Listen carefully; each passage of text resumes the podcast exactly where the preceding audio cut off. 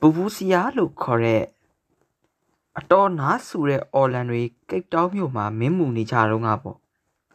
တောင်အာဖရိကခေါင်းဆောင်ကြီးနယ်ဆင်မန်ဒလာရှိနေတဲ့ကာလပေါ့လေကျွန်တော်တို့ခေရဲ့ဘော်ဒါတွေကိုဘဝတသက်ကြည်ဘူးသမျှကဘာဖလားတွေတဲ့ဆွဲမတ်စရာအကောင်းဆုံးလွမ်းဆွတ်စရာအကောင်းဆုံးကဘာဖလားကိုပြောပါဆိုရင်2010ကဘာဖလားလို့တန်နဲ့ထွက်လာကြပါလိမ့်မယ်ဟုတ်တယ်လေအဲတော့က မက်ဆီက23ရိုနယ်ဒိုက25စပိန်ရဲ့တီကီတာကာနဲ့အမြင့်မြန်ကာလလမ်ပတ်ရဲ့အပေခံကိုဂိုမတန်တပိတ်ဆင်နွှဲတဲ့ရွှေဘောလုံးရှင်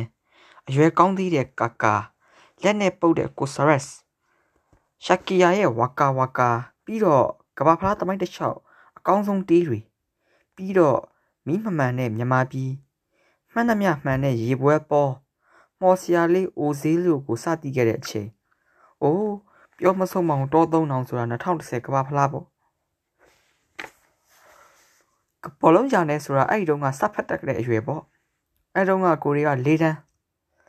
ညကြဘောပွဲကြည့်ပြီးမနေ့ကျ၄တန်းចောင်းသားဘော်ဒါတွေနဲ့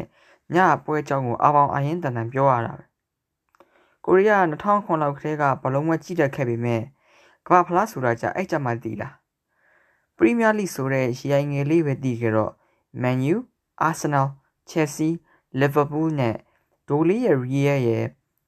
မက်ဆီရဲ့ဘာကာရဲ့ပဲတည်တယ်နာမည်ကြီးတွေတဲ့ဘသူတွေကဘယ်နိုင်ငံသားလို့တော့သိတာပေါ့လေ2010တုန်းကပွဲမတိုင်ခင်တည်းကအခြေသတင်းကြီးနေတာကစပိန်စပိန်စပိန်ဘေးအိမ်ကခက်ချောချောအမကြီးကလည်းစပိန်မစပိန်ပဲတဲ့ကိုကလည်းစပိန်ဆိုဇာဗီပူရိုကာစီယက်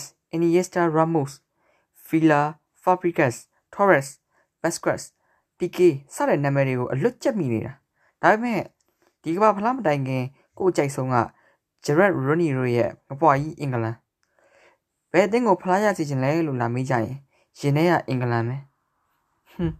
ကိုပါကြီးတွေကတော့ရီတာပေါ့သူတို့လည်းရင်ထဲကအင်္ဂလန်ပဲလို့អော်ခဲ့ကြတာ